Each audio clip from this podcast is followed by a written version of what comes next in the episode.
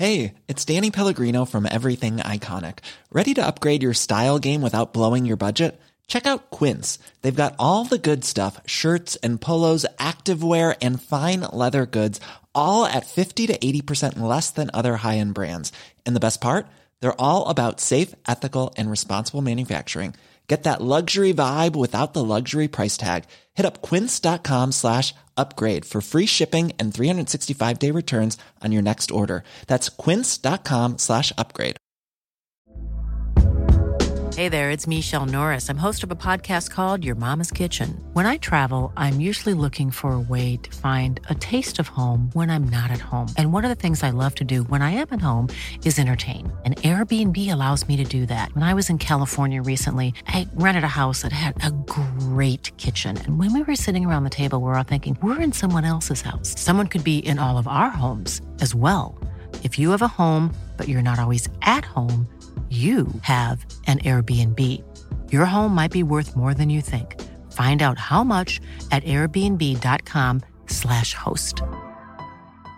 Many of us have those stubborn pounds that seem impossible to lose, no matter how good we eat or how hard we work out. My solution is plush PlushCare. PlushCare is a leading telehealth provider with doctors who are there for you day and night to partner with you in your weight loss journey. They can prescribe FDA-approved weight loss medications like Wagovi and Zepbound for those who qualify. Plus, they accept most insurance plans. To get started, visit plushcare.com slash weight loss. That's plushcare.com slash weight loss.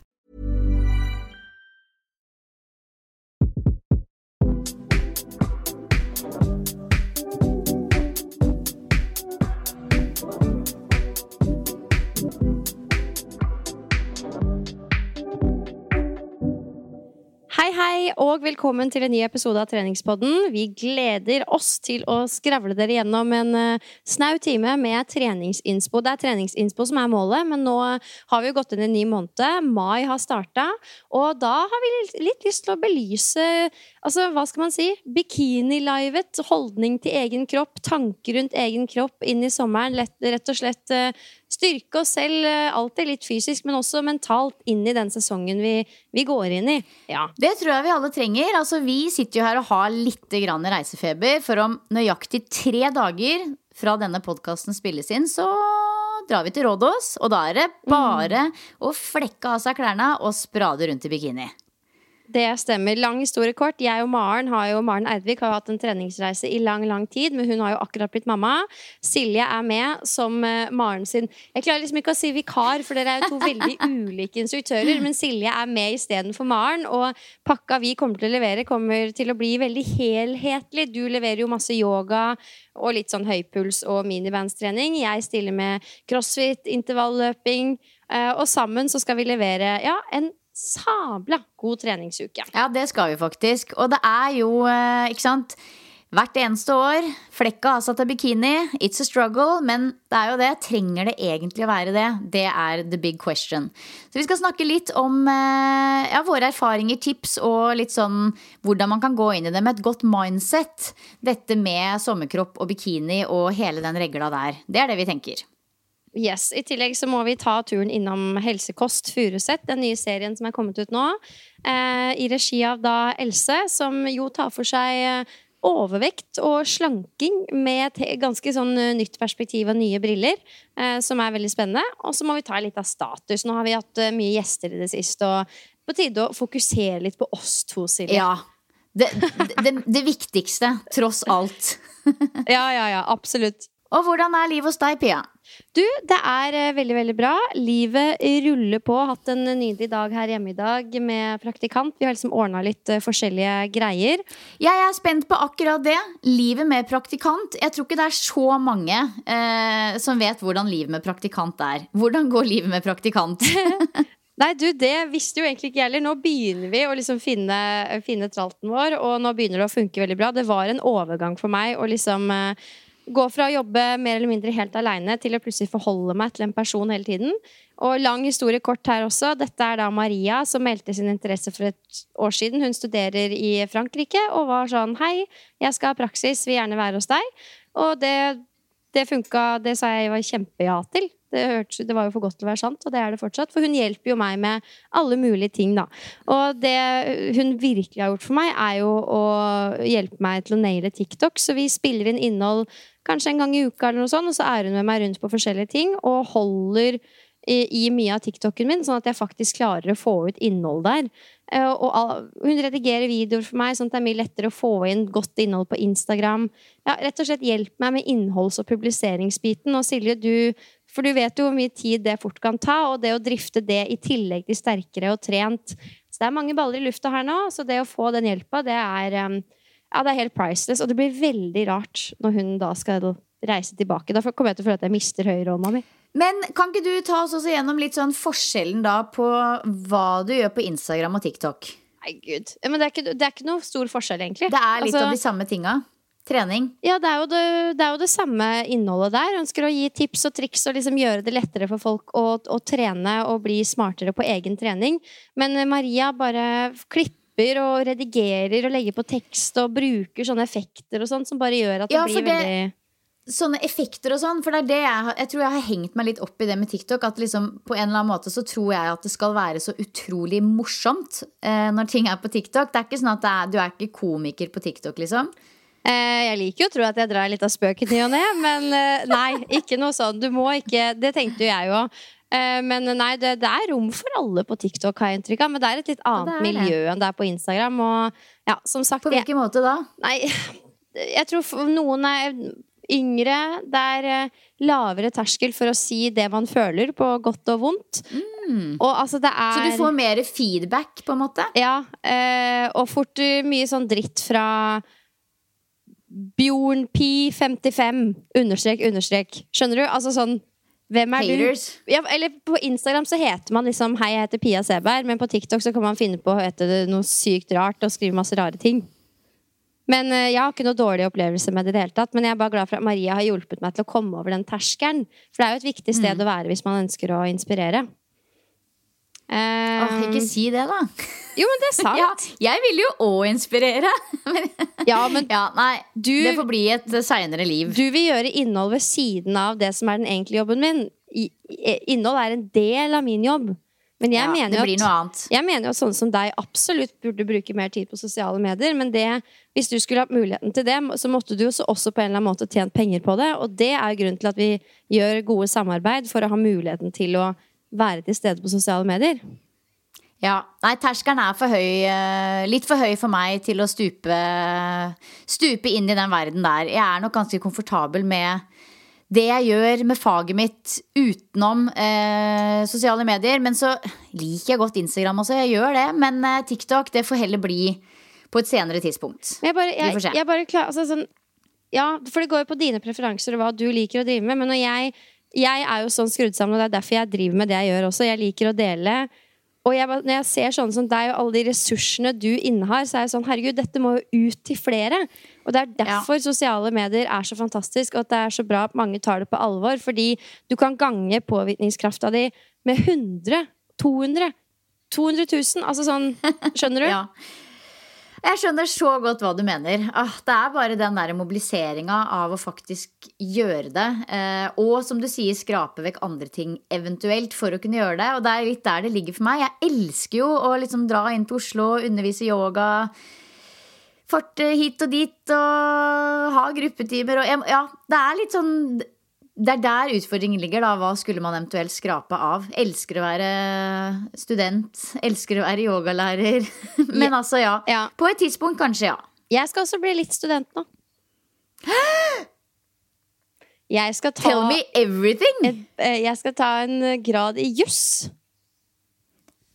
Nei, det skal du ikke. Jeg bare, nei, jeg sa ikke det. Jeg sa ikke det. Det hadde vært veldig gøy hvis jeg skulle det. Nei, altså jeg blir jo inspirert av deg. Noen ganger Silje, så føler jeg at du er, mitt sånn, du er sendt til livet mitt for å inspirere meg og vise meg vei, vei videre liksom, med hvor jeg skal.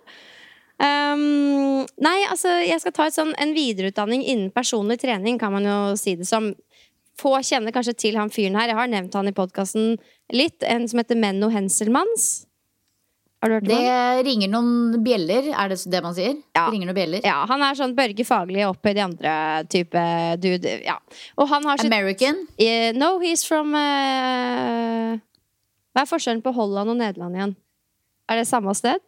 Det er vel samme sted. Han er nå i hvert fall nederlender, uh, og er veldig mm, utrolig dyktig på å dele forskning på en ålreit måte. Og han har et eget PT-kurs som er for deg som ønsker å videreutdanne deg innen trening, helse, fysikk, kosthold, ikke minst. Og det her starta med at jeg mm, Jeg skal jo skrive denne boka mi, eh, nettboka om kosthold. Starta eh, og skulle gjøre det sammen med en annen, men det utgikk, så jeg skal gjøre det på egen hånd. Så tenkte jeg ok, da tar jeg videreutdanning innen kosthold. Eh, men det ene førte til det andre, og da meldte jeg meg heller på hans kurs isteden. Fordi jeg kommer også til å lære masse om trening som jeg kan ta med inn i jobben min. Og det er liksom når man hører PT-kurs på nett, så tenker man sånn to uker, og så får man tilsett en PDF hvor det står 'du besto'. Men det her er liksom 20 000 kroner, ett års digitalt kurs med eksamen, og det er ikke måte på. Så det er liksom sånn det er ordentlig. Jeg følte, følte for å si hvor mye det kosta, bare for å vise at det er ordentlig. det er på ekte, liksom. Men er det da, da er det undervisning digitalt, og liksom du får du, du, sender inn arbeidskrav og får tilbakemeldinger, og, Eller hvordan fungerer det i praksis? Ja, inntrykk av det. Det er liksom uke for uke så er det nye temaer. Så det sto at du bør sette av 67 timer hver uke for å studere og holde tritt med liksom resten av gjengen. Vi er en stor gruppe i hele verden som starter opp i slutten av mai. Um, og eksamen består av jeg tror det var tre ulike deler. Det var annet litt video som skulle spilles inn. Og det er sånn You have to have these and these technique uh, demands in place. Altså masse greier. Og så er det sikkert noe Det var noe case um, case-eksamen, og så var det en sånn teorieksamen uh, hvor du skal svare rett og galt, da. Så ja, ja. Det er jo ikke noe sånn anerkjent i Norge på den måten at 'å, du har tatt det', altså, og så får du et samtykkende nikk. Det er mer sånn jeg føler at jeg vet hva dette innebærer, og hva det kan bety for meg i min praksis, og det er, det som, det er jo det som betyr noe. Absolutt, og det gir jo veldig mening med tanke på at du tilbyr eh, altså sterkere. Mm. Det, jo, det gir veldig mening for, det, for din egen del å skulle liksom finne opp hjulet på nytt hver eneste måned, eh, år etter år. Holde folk i gang, motiverte, gi dem framgang. Gi dem de bitte små greiene som faktisk er utrolig viktige. Det er jo Jeg skjønner kjempegodt at du ønsker litt påfyll på den biten da. Det er jo helt sikkert mm, du, du, du, sitter jo på helt enormt mye kunnskap fra før. Men det er det å liksom kjenne selv at shit, nå lærte jeg noe nytt også akkurat nå som jeg kan dele videre. Det er jo en god følelse. Ja, det er sånn man føler at man skylder folk det, når de viser deg den tilliten og vier sin tid og liksom sier sånn 'Jeg stoler på deg'. Ja. Det, da, jeg kan ikke tenke så mye på det, for da blir jeg noen ganger litt sånn stressa, men da skal jeg i hvert fall vise at tusen takk, jeg skal gjøre mitt beste for å liksom eh, ja, behandle deg bra.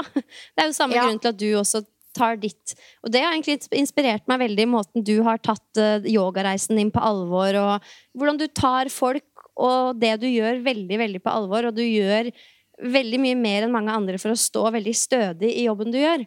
Og det ja. er jo alltid vært viktig, og er viktig for meg også, men du minner meg veldig på hvor viktig det er, og også hvor godt det føles. For det er veldig fort gjort i hverdagen å ta litt snarveier. Og noen snarveier er greit, det er, I'm all for it, men innen visse ting, spesielt det som er grunnmuren i det du driver med, der skal du kjenne at her, eh, her står jeg støtt på begge, på begge beina. da. Jo, takk. Det, det, er et veldig hyggelig eh, kompliment å få, Pia. Så det setter jeg veldig pris på. Og det er jo, det er jo akkurat sånn som du sier, at man, man, ønsker virkelig å stå ordentlig stødig i det å møte mennesker. Eh, og samtidig så er jo også ironien i det at jo mer du lærer, mm. jo mer spørsmålstegn blir man jo. For det finnes jo så sjelden en fasit. Men eh, ja, jeg har så troa på det å liksom fortsette å utvikle seg, eh, bygge på med fag og gå for det som du brenner for. Uh, og det som føles riktig ut. Det som føles riktig ut, ja. Så det blir veldig bra. Siste er at oppussinga her ruller videre. Jeg vet at du har det jo picture perfect hjemme fordi du har så mye energi om dagen at du vet ikke hva du skal gjøre av deg. Bortsett fra at det ser jo ikke ut her sammenligna med oss dere. Dere har det jo faktisk Nå kommer ordet fra en som er 65. Stilig. Her er det ikke stilig, men her bare er det litt Ja. Nei, nei, nei, nei. Altså, det begynner å komme seg nå, og det blir veldig stilig fordi jeg får hjelp av en interiørdesigner, men ting har tatt veldig tid, og det er fortsatt kaos her. Men i går fikk vi på plass noen fliser og en ny vask og litt greier, så jeg begynner å se lyset, lys i tunnelen. Og nå har det seg sånn at jeg også skal gjøre upgrades nede i treningsrommet mitt, så nå rett før jeg gikk på, så begynte vi å legge ut litt utstyr og sette i gang prosessen med å bytte ut utstyret, da. Så det blir også veldig gøy. For jeg tenkte sånn Dette rommet syns så sinnssykt mye i kanalene mine. Jeg bruker det hver eneste dag. Jeg har lyst til å bare få logoen min på veggen og bare uppe det, rett og slett. Så da, da gjør jeg visst det også. Så mai blir en sånn stor oppussings ferdigstillingsmåned, i tillegg til at jeg skal mye på farta. Jeg skal jo nesten ikke være hjemme når jeg tenker meg om. Ok, juni, da. Da skal ferdigstilles. Men det er jo litt denne vårrengjøringa som vi snakka om sist gang, hvor jeg var i dette maniske hjørnet. Det er den vårrengjøringa. Man er liksom bare gira på litt sånn the freshness. Altså, jeg skal ha det så freshness. Jeg, Silje. jeg skal kjøpe meg sånn maskin hvor jeg skal skrive her skal krydder være, her skal supper være, her skal underbuksene til Sylvester være. Altså, alt skal ha sin plass i hele hjemmet. Det er det jeg har skjønt at er nøkkelen til å ha det ryddig. Alt skal ha sin plass. Alt skal ha sin plass. Akkurat det der har jeg faktisk i alle kjøleskapshyllene mine og alle kjøkkenhyllene. Så står det sånn melkeprodukter, Oi. grønnsaker, pålegg. Og det, det gjorde jeg i forbindelse med at liksom ungene begynte å komme hjem fra skolen aleine, og så plutselig så sto liksom honningen i kjøleskapet, og liksom, du vet, alt var på feil sted. Eh, det er jo et mentalt knagsår. Så da måtte jeg også labele hele kjøkkenet på den måten. Og det er et eh, sabla godt tips, det. Har du, har du sånn plastbokser i kjøleskapet ditt også? Jeg har det til pålegg, for da bare tar jeg når jeg smører matpakker, så bare tar jeg ut de to boksene, og så sparer jeg kanskje to minutter hver dag Ja, på det. altså det, det er sånn på Instagram Når noen legger ut bilder av sånne perfekte kjøleskap i, i en god fargepalett, til og med, da blir jeg helt sånn Åh, det er så fint å se på. Og jeg skal nå bli en sånn en. Just watch me. Jeg skal bli en sånn Ja. en. Jeg er ikke Emilie Næring ennå, det er jeg ikke. Men litt orden, det, det er digg. Ja, det, det hjelper, og det er som det snakka vi om før. Hvis du har orden hjemme, så får du også med litt sånn orden i huet, og det er avslappende, rett og slett. Så ja, det er litt status herfra. Åssen henger den hos deg? Du, var, du hadde bursdag i helgen. Det hadde jeg. Da var jeg på tur til eh, Stockholm på jentetur, og det var veldig gøy. Eh, med store bokstaver. Så det var moro. Var der. Vi var fem jenter på tur og bare koste oss. Jeg tror vi har liksom Jeg har vært sliten en uke her, det skal jeg innrømme. I dag er det torsdag. Hadde min første styrkeøkt siden forrige fredag, bare fordi jeg har ikke vært helt der, for å si det sånn. Men det er liksom allikevel så verdt det å bare kunne ikke ha noen planer, henge rundt, ha matter, masse latterkramper, drikke bobler til lunsj og spise fritert, fritert mat og danse på bord, på en måte. Det er sånn Det er det vi har gjort. Og da kan jeg leve godt med at denne uka her har vært litt trå.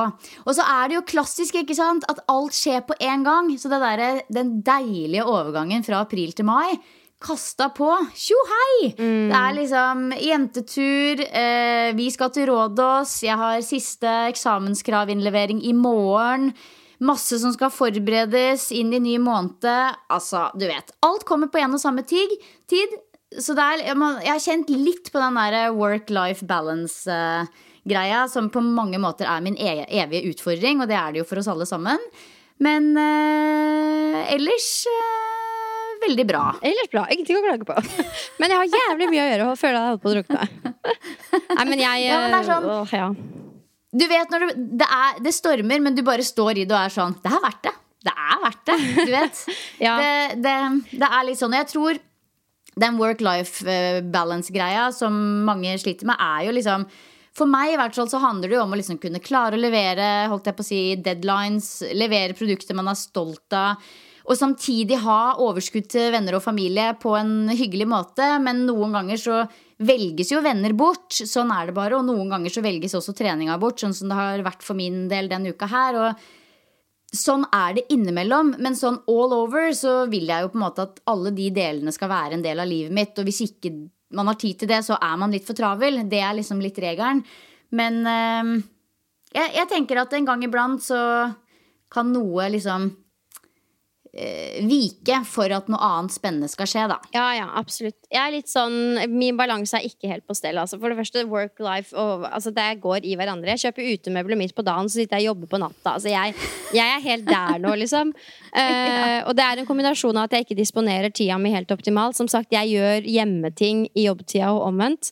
Men det er også det at det er litt for mye å gjøre, så på sikt så er det et mål å liksom fordele ting litt, sånn at jeg kan ha litt mer til, tid til å være med venner uten å hele tiden tenke at åh, nå skulle jeg vært der og gjort det. Ja, ja, og jeg får gjøre det etterpå når alle har lagt seg. Altså sånn, det er sånn jeg lever livet mitt nå. At uh, en del av meg gleder seg litt til alle har lagt seg, sånn at jeg kan sette meg og jobbe. Hvis du skjønner. Ja. Um, men det, jeg, det, jeg, gjør det samtidig med litt glede, fordi det er sånn Shit, dette har jeg skapt, og det, det vil jeg fortsette å bygge, liksom. Men hvis jeg for eksempel etter hvert skal ha et barn til, og sånn, så må jeg finne en eller annen måte å rigge det om litt. Fordi sånn som det er nå, så er det veldig sånn me, myself and I. Og jeg vil bygge et team, så det er det jeg strekker meg litt etter. Mm.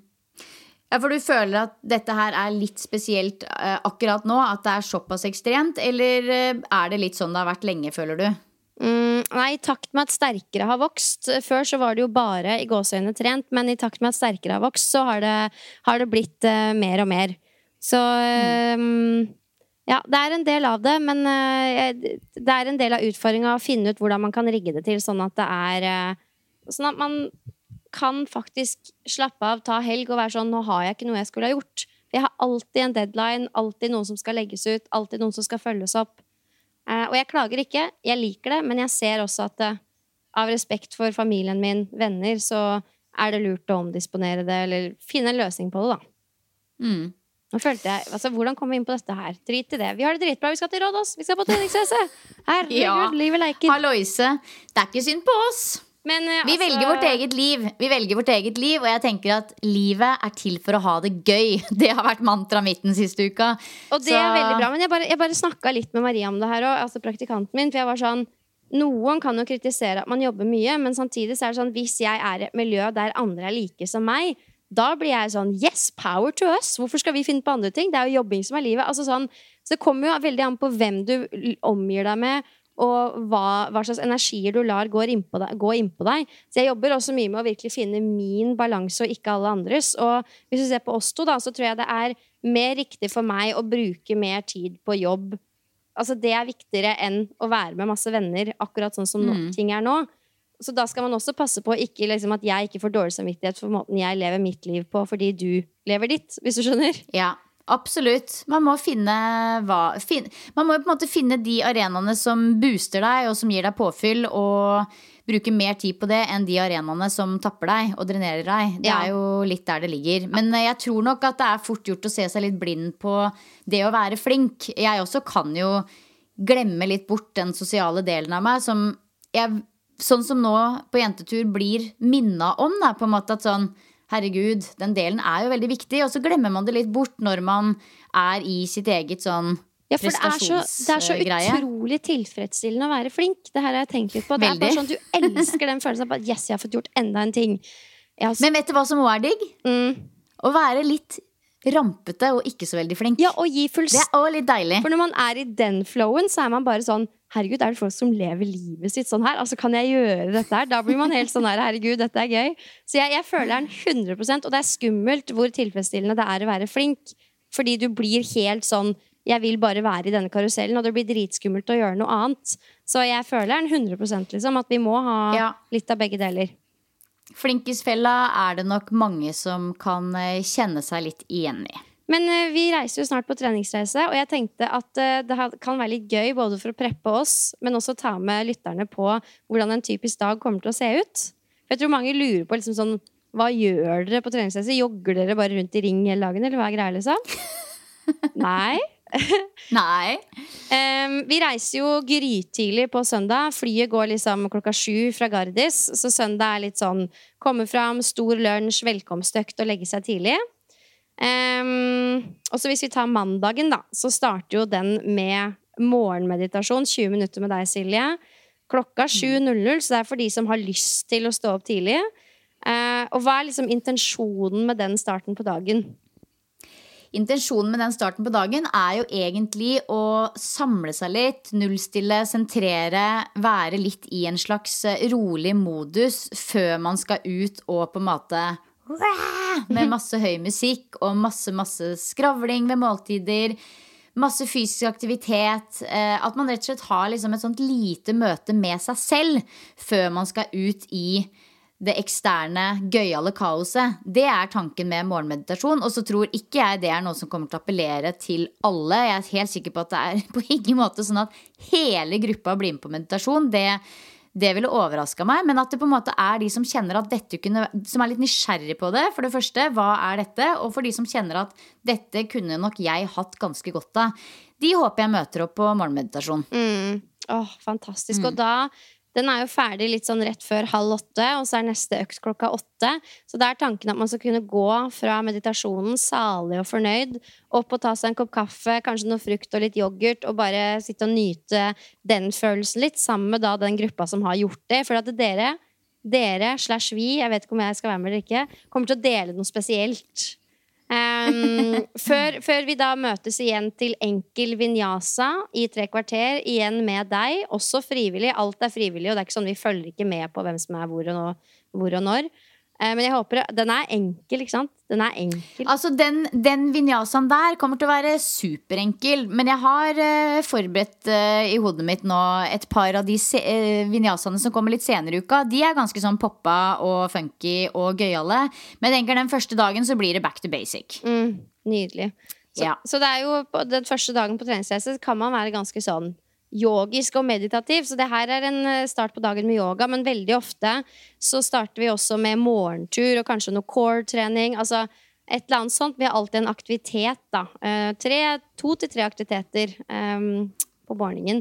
Og etter den enkle vinyasaen så skal vi rett inn i topptrent med meg. 45 minutter med, med trening ute i sola, men da bruker vi liksom utstyr som vekter og minibands og ja, Litt sånn mer ytre Den skal jeg være med på. Ja, Da skal vi få godfølelsen før vi går ja. til frokostsalen og spiser frokost nummer to. Ja, for det er sånn det er. Oh, og da sitter vi, og vi tar oss først første porsjon, og så går vi og tar dessertskåla og en annen dagens andre kopp med kaffe. Så sitter vi og slarver, og vi skal ikke rekke noe som helst. Jeg tror det er liksom my favorite time of the day. Ja faktisk senke skuldrene og bare lene seg tilbake. Ja. Med en god økt i kroppen. Ja, Og så har vi jo et hull, da. Altså, man kan gjøre hva man vil fra klokka er sånn ti til uh, fire-fem. Um, da kan man ligge på solsenga, man kan gå tur, man kan dra inn til gamlebyen. Altså, veldig spent på hva du kommer til å gjøre de timene der. Skal det jobbes, eller skal du liksom lese bok og koble helt av? Eh, jeg har fire digitale timer via Nordic som jeg kommer til å skulle gjennomføre der på et tidspunkt. Eh, og så kommer det Jeg skal prøve å legge fra meg alt skole hjemme, for jeg håper jo at jeg virkelig får landa de arbeidskravene nå i morgen. For å si det sånn. Hvis ikke så er det ille ute. Men kanskje jeg leser litt pensum, for jeg har eksamen nå første uka i juni. Så kanskje jeg leser litt på pensum. Men jeg har jo også litt lyst til å kanskje slappe av litt, liksom. Og gjøre masse yoga, meditere litt, kanskje dra på noen uh, utflukter. Uh, titte litt rundt, mm. bade masse. Henge med deg. Mm. Altså, jeg gleder meg. Ja. Hva med deg? Være litt til stede. Nei, en, en kombo, liksom. Altså, på en måte, når man er bortreist hjemmefra en hel uke, så er jo det en fin mulighet til å gjøre mye jobb, for da kan man jobbe hele ettermiddagen også. Men det skal, ikke, det skal ikke skje. Men litt jobbings blir det jo på, den, ja. Eh, på, midten av dagen der når deltakerne soler seg og chiller. Men jeg vil også gjøre det. Jeg vil også bade i havet, kanskje ta en tur til gamlebyen. Og... Men det er noe som veldig spesielt med når man trener så mye og bare chille sammen. Og det tror jeg kanskje er noe av det fineste, at man har en sånn mulighet til å bare være med folk og ha litt gode ja. prater. At man bare eksisterer rundt hverandre uten at noe er pusha eller framtvunget, liksom. Mm. Um, long story short, vi møtes igjen til en ny økt. To nye økter mot ettermiddagen. Og akkurat den dagen som vi snakker om nå, da blir det først teamwork 60 minutter med oss begge. Da blir det en sånn crossfit team-økt-type uh, trening. Og så avslutter vi dagen med yoga nidra, som er litt sånn rolig Yogisk søvn, kaller du det. Soveyoga. Da ligger man rett ut og går gjennom en slags guida meditasjon, visualisering. Mm. Så det er jo veldig mye forskjellig. Det er jo på en måte alt fra rolig yoga til dynamisk yoga til crossfit-økter, styrkeøkter. Det er jo en litt løpe, løpeting. Jeg skal holde en lengre workshop som jeg egentlig er veldig veldig spent på. Det er jo veldig mye eh, forskjellig innhold. Absolutt. Og vi kommer jo sikkert til å dele mye av dette her i våre kanaler, så kan dere, dere som er igjen hjemme, kan følge med og ønske at dere var der. Ja, altså en av de eh, altså, Vi kommer jo til å spille inn en episode av Treningspodden neste uke også. Mm. Det blir veldig fint. Absolutely. Og med det så tenker jeg at vi kan eh, hoppe rett inn i bikinipraten. The beginner talk.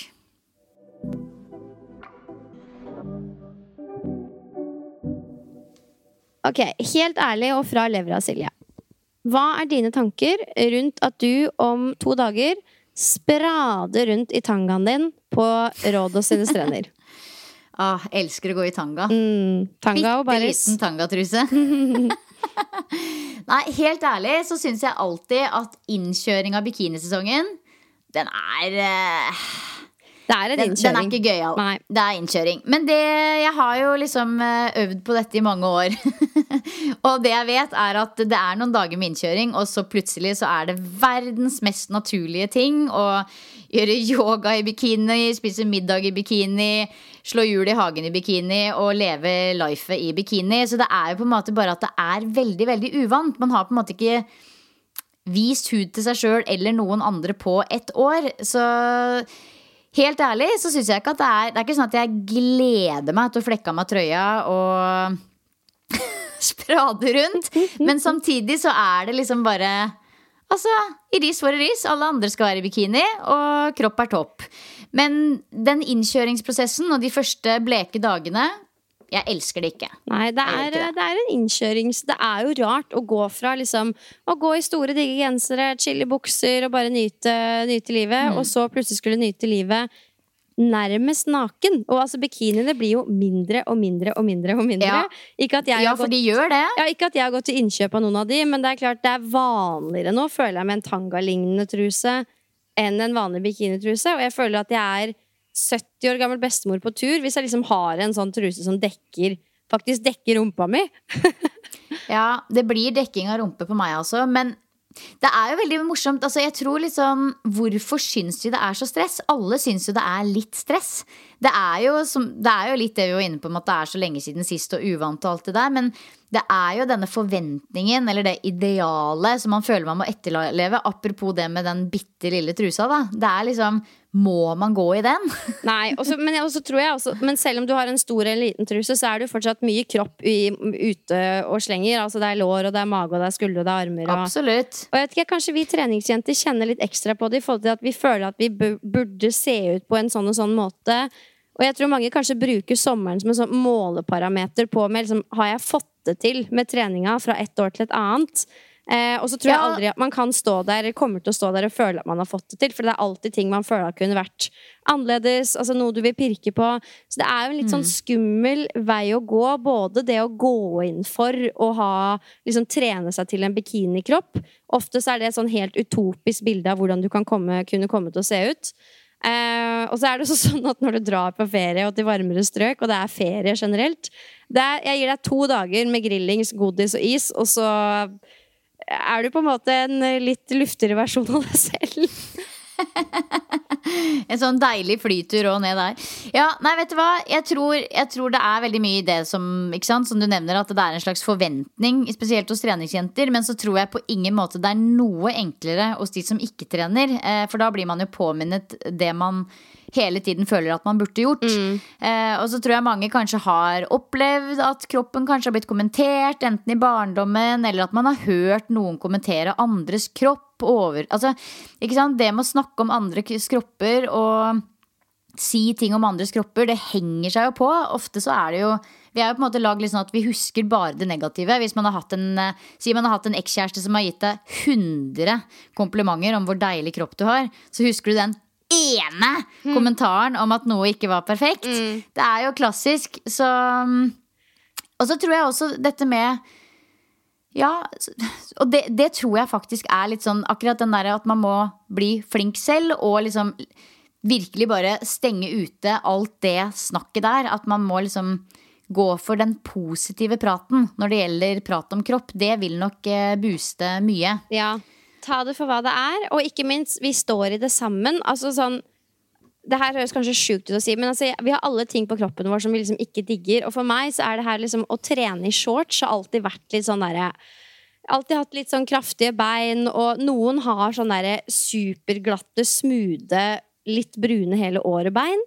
Jeg er ikke en av de. Det er mye bevegelse og liksom altså, og, og jeg, bare skjønner, jeg har alltid hatt en greie med å gå i shorts og også, trene i shorts, for da er det liksom veldig mye bevegelse både her og der. Og når jeg da ser andre Og det hadde jo vært helt merkelig hvis det ikke hadde vært det! Ja, men du har jo samtidig du, de som du, du du ser, ikke Noen er jo født inn fra mammaen sin med en perfekt kort Rebook-shorts og stramme bein, og de beina beveger seg ikke når de løper. Det er akkurat som at det bare huden bare jobber opp oppover hele tida.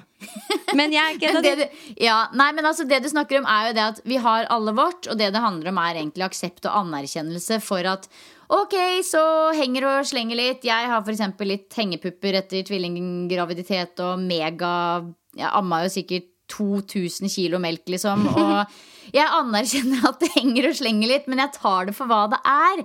Det er liksom og, og, så er det også noe med at du sier ikke sant, vi er født forskjellig. Noen har litt større lår, noen har litt mindre lår. Og, vi, og, det er jo det som er gøy, at mennesker er jo skapt for å gjøre veldig mye forskjellig. Og derfor ser vi også ulike og unike ut. Altså, jeg, jeg, aldri, jeg er 1,62. Jeg er den korteste i venninnegjengen. Eh, jeg kommer aldri til å se ut som en sånn varmblods araber som galopperer bortover stranda i bikini.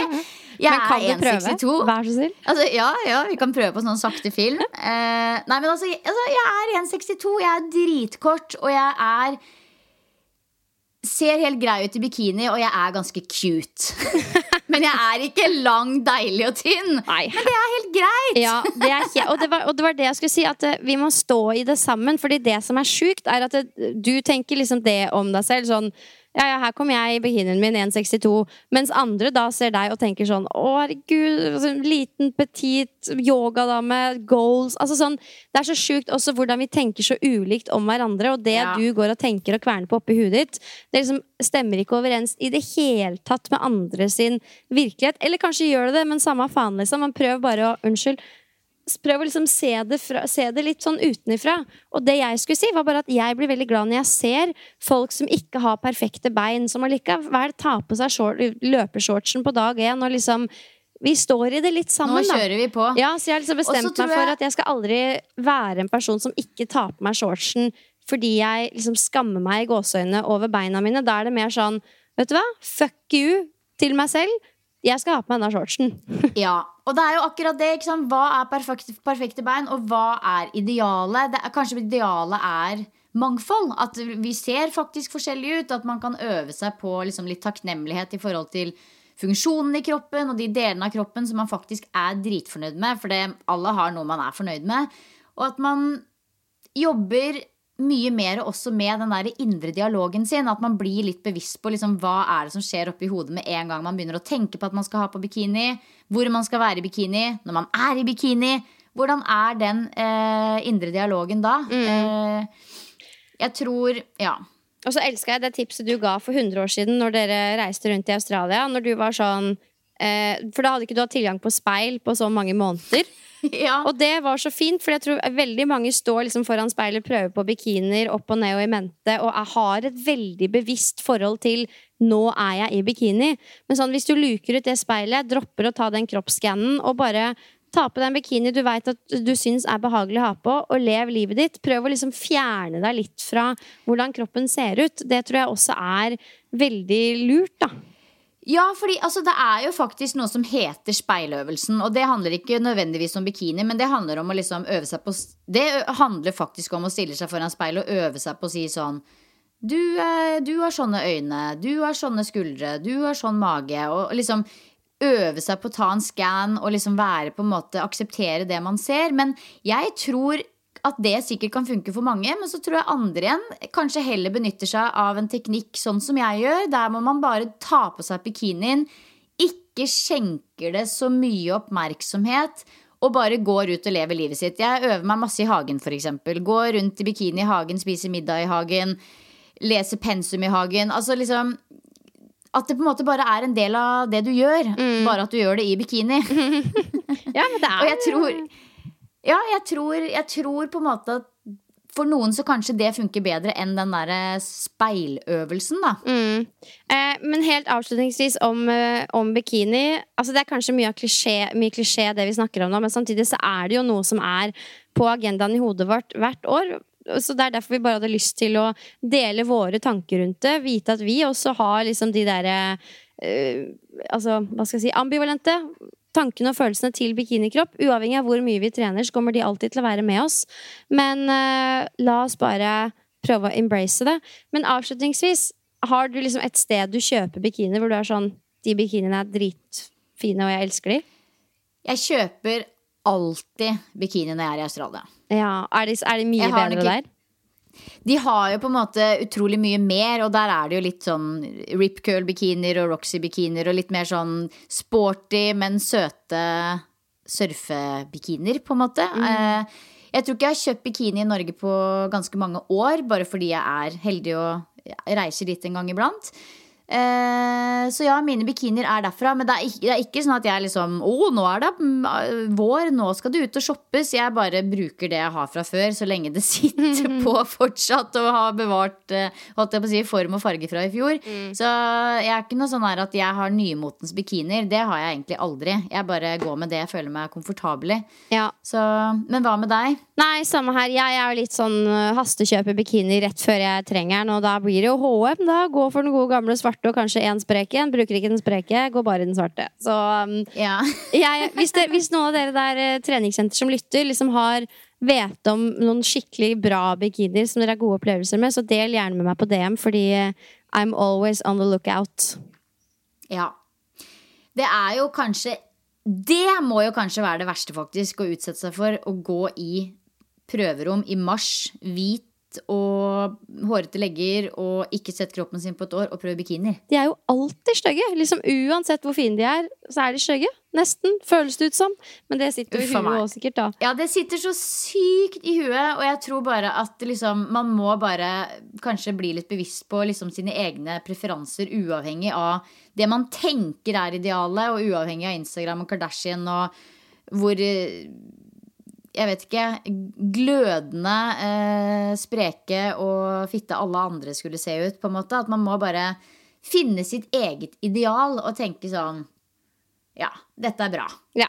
Det- Dette er I meg. accept it. Yes. Dette er meg. Mm. Ja. Og apropos eh, det å elske sin egen kropp, så har det jo, er det jo på en måte ingen tvil om nå hva som har vært den store snakkisen når det gjelder eh, det som foregår på TV. Vel- Og det er Helsekost Furuset. Ja. Helsekost Furuset. Veldig veldig bra og ekte og ærlig program. Jeg har ikke sett alle episodene som er ute helt enda, men jeg har jo skjønt hva det går i. Eh, Og for de som ikke har fått det med seg, så er jo dette her Else Kåss Furuseth som har laget serien Helsekost Furuseth. Der det kommer fram hvilket forhold hun har til egen kropp. Hun har jo alltid utad embracet overvekten, tulla mye med det og eh, tatt seg selv veldig lite høytidelig, og det fortsetter hun jo med i denne serien, men er også ærlig på at eh, det er jo problematisk på én måte også. Det som jeg syns har vært fantastisk med serien hittil, er jo det, nettopp det, at hun, hun er jo på en måte en person som elsker kroppen sin, sånn som vi på en måte snakker om nå. Ok, Å elske kroppen sin er kanskje å ta i, men hun aksepterer på en måte og liker kroppen sin, samtidig som hun ser at hun har et helseproblem. Og det er jo der det ligger. For det er jo på en måte litt sånn u, det er politisk ukorrekt å si sånn 'jeg liker ikke kroppen min'. Vi skal jo på en måte elske kroppen vår. Det er jo liksom ikke helt innafor å si sånn 'nei, men jeg er litt tjukk'. Altså sånn. Men hun sier det. 'Jeg er tjukk, men jeg liker kroppen min, men jeg må bli tynnere fordi dette er helsefarlig'. Det er det jeg egentlig liker litt. At hun er jo på en måte hun embracer kroppen sin, men ser samtidig at hun har et stort helseproblem. Og det helseproblemet som Else har, det er det veldig mange andre som også har. Ja, det er det. Og jeg ser jo også altså Når du møter hun ernæringsdama Tine Sundfør, og så lager de liksom humor på at hun omtrent banker av gul og blå, for hun er så lei av å høre dette pratet om liksom energiunderskudd og lag en smoothie av bær og bla, bla, bla. Og så tenker jeg sånn åh, Det er sånn jeg holder på, og jeg preker til menigheten min og elsker det. Men jeg er sånn, hvordan kan Mm. jeg nå ut til sånne som Else? Og jeg gjør jo ikke det. ikke sant? Jeg er sikker på at Nei. mange av de ser på meg og ler og, og tenker liksom sånn En del er sånn 'Å, kunne ønske jeg fikk det til', men en annen del er sånn Jeg tror mange ser på Stakkars de som som trener med Pia. ja, og, og ser på det som ukult og litt harry å Ja. være en som trener. Det, det føler jeg han Ronny sa. Litt sånn kunne ikke tenke seg noe mer harry enn å gå inn på et treningssenter og løfte vekter. Og en del av meg skjønner det, liksom. Um, Mm. Ja, 100, ja jeg, altså jeg, en del av meg skjønner det også. Uh, og det er jo Men det er jo også det at kanskje ikke Altså Jeg tror på en måte at treningssenter passer for veldig mange, men kanskje ikke det passer for alle, da. Og jeg ser jo også, uten å si den altså Hun har jo skaffa seg en sånn wellness coach i denne serien, og jeg tenker jo at det er jo fantastisk eh, at hun prøver det, men, men kanskje det hadde vært bedre for henne å gå tur eller gå på zumba. på en måte. Altså sånn, det er jo ikke sånn at absolutt alle må gå på gym og løfte vekter og løpe fire ganger fire intervaller.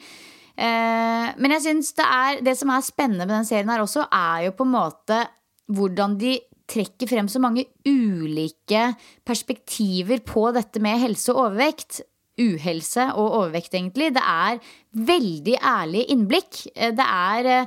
De tar fram alle tankene rundt ikke sant? gåstegn svake mennesker og dårlig viljestyrke og eh, Altså, liksom, hva er det som gjør at folk ikke lykkes, da?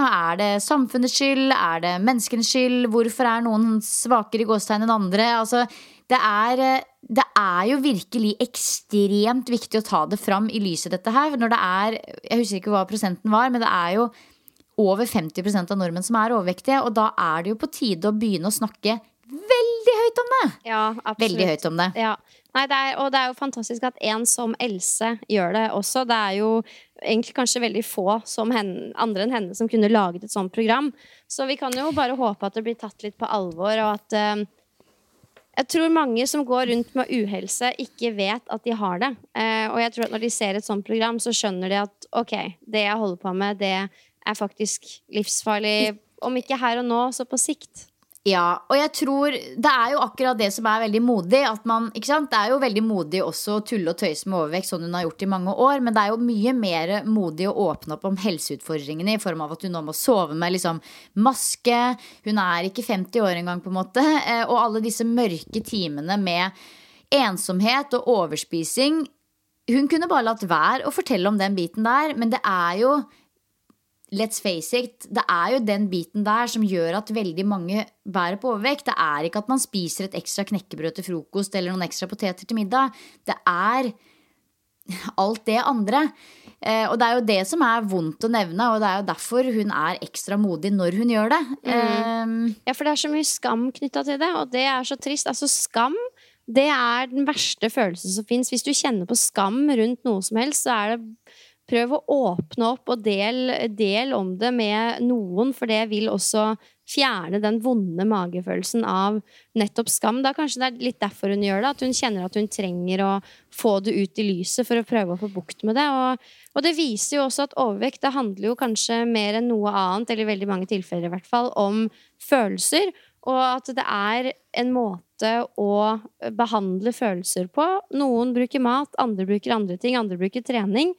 Men eh, det å få et bevisst forhold rundt det, istedenfor å liksom komme med pekefingeren og si at de er svake mennesker, liksom, altså det holder ikke lenger. Du er ikke svak selv om du er overvektig, liksom. Nei, altså det, det, det som også er veldig fint, er jo å belyse på en måte verdien i det å gjøre noe sammen. Dette teamet som hun har teamet opp med, Fatmadesa, på en måte, som nå deler alt av liksom utfordringer underveis, og hvor mye kalorier er det i dette, og hva gjør dere når dere er sultne? Hvordan døyver dere sulten? Og liksom hva, ikke sant? Deler oppskrifter. At man liksom er et lite team. Det, for jeg skjønner jo det at hvis man gang på gang tenker sånn I morgen skal jeg starte et nytt og bedre liv. Og så begynner man med det nye bedre livet, og så er det jo ingen som på en måte følger med. Det betyr jo egentlig ikke noe for noen andre enn deg. Da dabber det ut. Og det er jo det er jo det å skape nye rutiner som man kan holde livet ut som gjelder. Det, det, er, det er ikke et prosjekt, liksom. Det er livs, en livsendring. Eh, og jeg tror også det er det jeg håper at vi av, kommer til å se mer av etter hvert i det programmet her. Det må nok mer til enn å bare ty til Fjordland, på en måte. Man må jo faktisk lære seg å lage mat. Ja, altså jeg så, jeg, jeg så litt på programmet før vi gikk på her. Hun hadde aldri kjøpt et eple. Nei, aldri kjøpt et eple. Så det er liksom helt sånn grunnleggende ting som faktisk må på plass for at dette skal være bærekraftig. Man kan ikke bare på en måte kutte ut McDonald's med Fjordland. Altså, det må, det må, det, du må klare å finne en slags glede i å ta imot denne, dette nye livet, da. På Ja. Det, Altså jeg, jeg lærer masse av det, og jeg er jo virkelig oppriktig nysgjerrig. Jeg ser ikke ned på noen som ikke lever et sånt liv som vi gjør, i det hele tatt. Jeg kan jo noen ganger se at vi er litt rare òg, men det fascinerer 100%. meg veldig hvordan man kan velge å daglig ta liksom tjuetalls dårlige valg når du vet i hvor stor grad det går utover egen helse. Altså sånn, og, og, og liksom skyve det fra seg så innmari, også i forhold til liksom folk som røyker. Altså liksom, Er det mangel på kunnskap, eller hva er det som gjør at du aktivt gjør noe som du vet at påvirker deg så negativt? Så jeg tror bare at det er Når det går lang nok tid, så er det ikke engang noe du tenker over der og da. Det, bare, det, er, det er ikke et valg du tar, det bare går på automatikk. Er det jeg tenker, da? Jeg vet ikke. Men jeg tror det som blir utrolig spennende å se Nå var det jo, Jeg så siste episoden i går, og da var det annet om mindful eating. Og jeg tror virkelig det ligger mye der også i nettopp det, da. At ting ikke skal gå på automatikk. Det er faktisk meninga at vi skal være til stede i egne liv. Eh, og så skeier man ut eh, bevisst også en gang iblant med alt mulig rart. Om det er en fest, eller om det er eh, masse junkfood, eller om det er å bare ligge på sofaen en hel dag. Ja, det gjør man, men man tar et bevisst valg om det. Det er ikke bare sånn at ting går på autopilot. Og jeg tror den mindful eating-episoden i går var liksom det er jo på en måte det er, også, det er jo et veldig sånn ekstremt konsept å se det sånn på TV, for det virker så sært, men det ligger så mye i det. Altså det er Det er mennesker som er så connecta fra sitt eget følelsesliv når de spiser, fordi de spiser fordi de ønsker å fjerne seg fra følelsene sine. Eh, så det å liksom lære seg å være til stede i maten du spiser, og valgene du tar, og hvordan du lever livet ditt, det er jo det det handler om. Åh, ja. Jeg blir også så sykt glad for at jeg liker å trene, fordi jeg kan fort stresspise. Jeg og ikke å se på skjermen og ikke tenke at jeg spiser engang, og så spise dobbel porsjon fordi jeg glemte at jeg spiser. Altså, ja. Er, man Ja, kan men jo jeg tror kjenne alle kan det. Ja, man kan jo kjenne Altså, jeg har en liten Else i meg, jeg, og så har jeg på en eller annen merkelig måte klart å liksom bli noe annet, men jeg har alltid liksom Uh, unge Pia med meg som var overvektig, som tenderer mot å ta dårlige valg, overspise, behandle følelser med mat. Deale med det fortsatt, liksom. Eh, så jeg tror aldri det er sånn at det blir helt borte, men man må lære seg å leve et litt sunnere liv, da. Det er akkurat det. Så det blir veldig spennende å følge med på dette her fremover. Altså, det er jo, de tar opp så utrolig mange fine perspektiver. Og han ene fyren som er med, som liksom så åpent er ufrivillig singel, det er jo på en måte Else òg. Hvor, hvor, hvor utrolig stigmatiserende det også på en måte er. Og den skammen i det, at man da velger å bare si til alle Nei, jeg har ikke så veldig lyst på kjæreste, jeg, men egentlig så har man jo veldig lyst på kjæreste, men man bare er ikke der at det er noen mulighet nå, på en måte. Jeg syns det også var så sykt modig å dele det, for jeg tror det er så mange som kan kjenne seg igjen. Ja. Vi hyller og setter pris på serien og gleder oss til fortsettelsen. Ja, jeg har jo selvfølgelig sendt Else en liten melding i innboksen og vært sånn Kan du ikke komme til treningspodden? Men jeg har ikke fått noe svar, og jeg så hun la ut på Instagram sånn jeg har ikke sjans til å svare alle, men tusen, tusen takk. Så det går nok litt hett i innboksen hennes om dagen. Men det hadde vært veldig gøy hvis du ville komme på besøk til oss en gang. Ja, oss, hvis du har eh, litt eh, fot inne hos døra hos Else, så si at treningspodden vil ha henne på besøk. Ja, det hadde vært veldig hyggelig.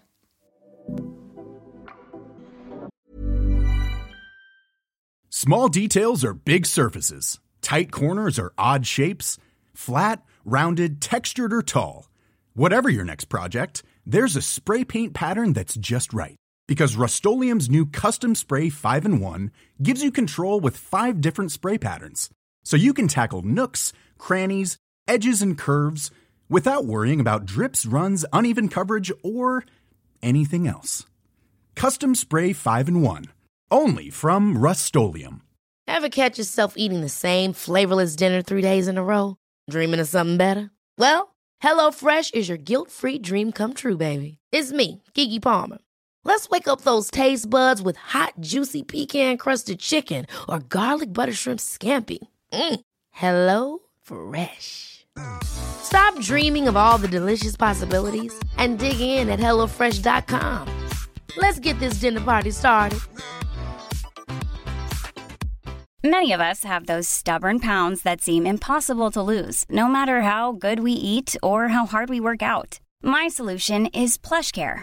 PlushCare is a leading telehealth provider with doctors who are there for you day and night to partner with you in your weight loss journey. They can prescribe FDA-approved weight loss medications like Wagovi and Zepbound for those who qualify. Plus, they accept most insurance plans. To get started, visit plushcare.com slash weight loss. That's plushcare.com slash weight loss.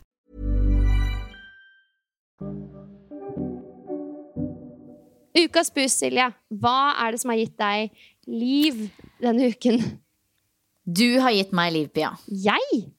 Du har gitt meg en skikkelig god boost denne uka her. Rett og slett fordi du har vært så fleks og god. Eh, altså, fordi dette har jo vært verdens korteste uke. Det er én ting. Jeg har vært litt sliten, det er en annen ting. Og det har vært busy. Ja. Så eh, vi har hatt eh, podkastplaner, innspillingstidspunkt og alt har vært på stell. Og så har jeg vært hun derre Hadde det vært mulig om vi bare kunne bytta litt grann og fiksa litt grann og blablabla. Altså virkelig. Jeg har vært så negete og annoying eh, på SMS til Pia denne uka her at dere aner ikke. Og du har bare vært sånn det går fint, vi løser det. Jeg bare endrer dette veldig viktige møtet med de danskene som jeg har avtalt å ha møte med, og så fikser vi det. Ikke noe problem. Men det bare Det, det mener jeg, Pia, virkelig. Det, det setter jeg så stor pris på, fordi en gang iblant så har man bare litt behov for at liksom, det går din vei, eh, hvis du skjønner. Og det hadde jo løst seg uansett, men det, det er liksom den der egenskapen hos mennesker som du viser nå, denne sinnsforståelsen, at man har en forståelse av at andre mennesker har et liv, tanker, følelser, motiver og liksom hensikter og ting som foregår, som har en betydning for hvordan de oppfører seg der og da. For jeg har, ikke vært, jeg har vært litt out of character på en måte da, denne uka her. Eh, og, og den evnen til å ha den på en måte sinnsforståelsen for andre, det er på en måte veldig sånn grunnlaget for sosial samhandling og det å kunne omgås med andre mennesker på en god måte. Eh, så det er en veldig fin egenskap, det å sette seg inn i andre situasjon, selv om de oppfører seg irriterende. Eh, og liksom ønske hverandre godt. Og så er det ikke sånn at det, det handler ikke om at det skal gå på bekostning av eh, deg selv, og at du liksom alltid er den som må please andre. Det er ikke det det handler om. Det handler om at en gang iblant så er man litt sånn, vet du hva, dette løser vi. Dette løser vi. Fremoverlent og motivert, fleksibel. Og det har du vært mot meg denne uka her. Så det har vært ukas boost for meg, Pia. Herregud, Det er veldig hyggelig å høre. Jeg føler jo nesten at det er litt ufortjent. Fordi for meg så Altså, jeg kan jo så sykt sette meg inn i det. Det er jo ofte jeg som er Silje. Jeg er en det er en av de tingene jeg jobber med. Jeg er en liten sånn virrer, sikkert fordi det er mye logistikk eh, i, i livet mitt. Det er det for alle. Men sånn, jeg kan styre alt sjøl, og da blir det ofte litt sånn Kan jeg flytte deg dit, sånn at jeg kan sette inn deg der, bla, bla, bla. Så når noen er sånn mot meg, så er jeg bare sånn Åh, så deilig at det ikke er meg. Tusen takk. Ja, men det er godt å høre. Og det er bare så, det er så viktig å huske på at eh, samspill mellom mennesker, det må gå begge veier. Eh, så det er faktisk ganske viktig å være en fleksibel person når man jobber med andre, er i en familie med andre, er i en vennegjeng for den saks skyld. Så ja, det er viktig å minne seg selv på det. Ja. Du får, jo også igjen, gang- du får jo også igjen det du gir, da, Silje. Du er jo, du, du er jo ikke akkurat kjip i sånne situasjoner med meg, du heller. Så, men ja, vi funker bra. Nei, vi funker bra. Ja, Og du da, Pia, hva er din boost? Du, Enkelt og greit, men samtidig ikke. holdt Jeg på å si Jeg var på trening her om dagen, gjorde økta mi og liksom pusla i min egen verden. Så kommer den og prikker meg på skulderen.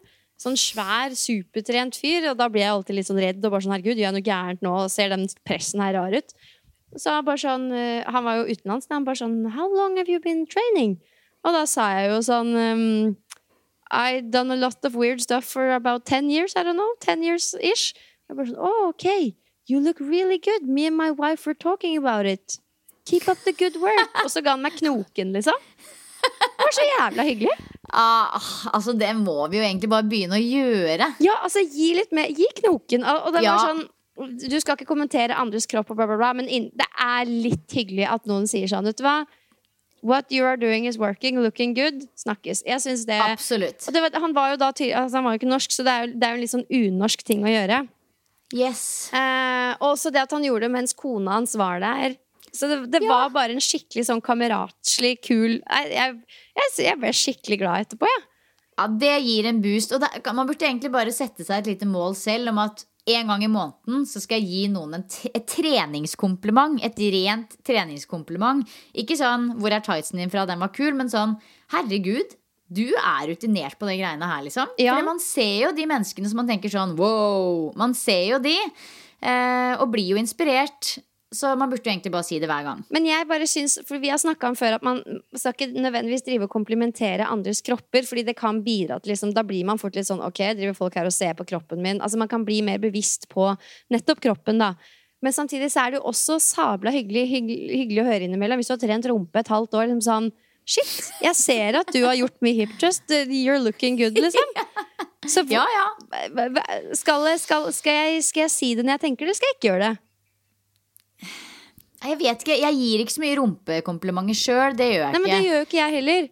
Men jeg merka jo når han kommer til meg, det er jo hyggelig. Og hvis jeg virkelig tenker Absolutt. inni meg, står og ser på deg, bare sånn Fy fader, hun har så flotte lårmuskler. Kan ikke vi, vi to kan begynne å gjøre det til hverandre, da. Ja, Og så ser vi litt hvordan det fungerer. at det kanskje skal være litt sånn avklart. Ja, det kan vi gjøre. Ja. Du veit jo at jeg crusher på låra dine, og Ja. always have and always will. Oi, oi, oi. Ja, nei, dette blei eh, rett og slett årets kroppepisode. Men eh, det er, vi går nå inn i kroppssesongen, dere, og det er deilig. Ja, herregud. Altså, Wanda, Vita Wanda, Wanda delte jo en treningspodden-episode her om dagen. Der vi, da snakka vi om et eller annet sånn Er det innafor å trene for å se bra ut? Og da tenker jeg man Ja. gjør noe riktig når vi sier noe som en treningsjente har lyst til å dele i sin story, og hun var sånn Det er dette jeg mener. Da, da ble jeg så glad inni meg, for da føler jeg at vi klarer å fange opp noe og si noe som jentene våre og lytterne våre ja, kjenner på, da. Ja, for hun er skikkelig sånn treningsjente. Ja, altså de trener som altså Nå kjenner jo ikke jeg de, da jeg følger jo de bare på story, men jeg føler de er sånn De lever livet, har det gøy, men er også seriøse med treninga. De trener mye, Ja. liksom, har jeg inntrykk av. Ja. Ja, jeg har sett at de trener med, eller gjør de begge to, Tonje Jensen som PT. Jeg har inntrykk av det. De kunne vi egentlig hatt Ja. på besøk. Det har jeg, jeg har lyst til å bare snakke med vanlige jenter om liksom Hvordan trener du? Vet du hva, Det hadde vært veldig gøy. Tonje Jensen har jo faktisk vært gjest i Treningspodden eh, for mange år siden. Men det hadde vært veldig hyggelig med Vita og Wanda. Ja. Ja, jeg vil snakke med de. De podder jo. Kanskje vi skal høre, høre om de vil uh, gjeste. Ja, det hadde vært kjempegøy. Det, det er jo akkurat det. Det er gøy å høre med vanlige jenter, og eventuelt gutter også, selvfølgelig, om bare hvordan man Hvor får de motivasjonen fra? Hvordan får de det til å gå opp med livet? Altså, ja. Fordi vi kan ikke relatere fordi vi jobber med det. Altså Vi kan jo relatere til en viss grad, men jeg tror veldig mange hadde satt pris på å høre litt mer om den tidskabalen som folk er i, hvordan de tenker om prioriteringer, og, og også sånn Men hvordan løser du det? ja. Gi oss oppskriften. Ja. Ja, vet du hva? Det må vi faktisk. Og det vi også må, det er å runde av denne episoden. Fordi nå er vi på overtid. ja, det er vi. Tusen hjertelig takk for at dere lytta. Eh, hva skal du nå? Nå hører jeg at det kokkeleres her ute, for det blei jo litt digital innspilling. Altså der også. Out of character. Jeg møtte opp på Egmont for å spille en podkast. Pia satt hjemme. Vi hadde avtalt digital podkast, og jeg møtte opp i studio. Heldigvis så var det sånn at du bare kunne bile igjen på ti minutter. Da. Men jeg skjønner, altså, Ja. når du sendte meldinga, så var jeg sånn nei. Men eh, det var jo ikke selvsagt. eh, Det var en skikkelig misforståelse, så det var ingen som hadde rett eller galt. Nei. Nei, jeg tror, altså Nå skal jeg stupe ut her, kanskje hjelpe til med litt kokkelering. Og så skal jeg faktisk prøve disse bikiniene mine og se, bestemme meg for hvilken jeg skal pakke i bagen. Se, da kan du gå live på Instagram og dele det med oss følgere. Ja, Det kjenner jeg at det kommer jeg 100 sikkert ikke til å gjøre. Det er content, det. Det er det som er content. Jeg kan gjøre Ja. det, derimot. Ja, det kan du. Det kan. kan ikke du gjøre det da, Pia? Jeg er jo så sjuk i huet at jeg kunne funnet på å gjort det, men jeg tror ikke jeg skal gjøre det. Nei. Men uansett, neste gang vi poddes, så er vi i Hellas med hva er det, 53 andre girls Jeg får råd oss and women. Hæ? Får råd oss der i Hellas. Ja, eller Er Syden et sted, er det ikke det? Nei, dette orker jeg ikke mer. Vi er i Syden, tenker jeg bare at vi sier. Vi er i Syden. Den er god. Da snakkes vi, dere. Ha en nydelig uke. Hei, hei. Hei, hei.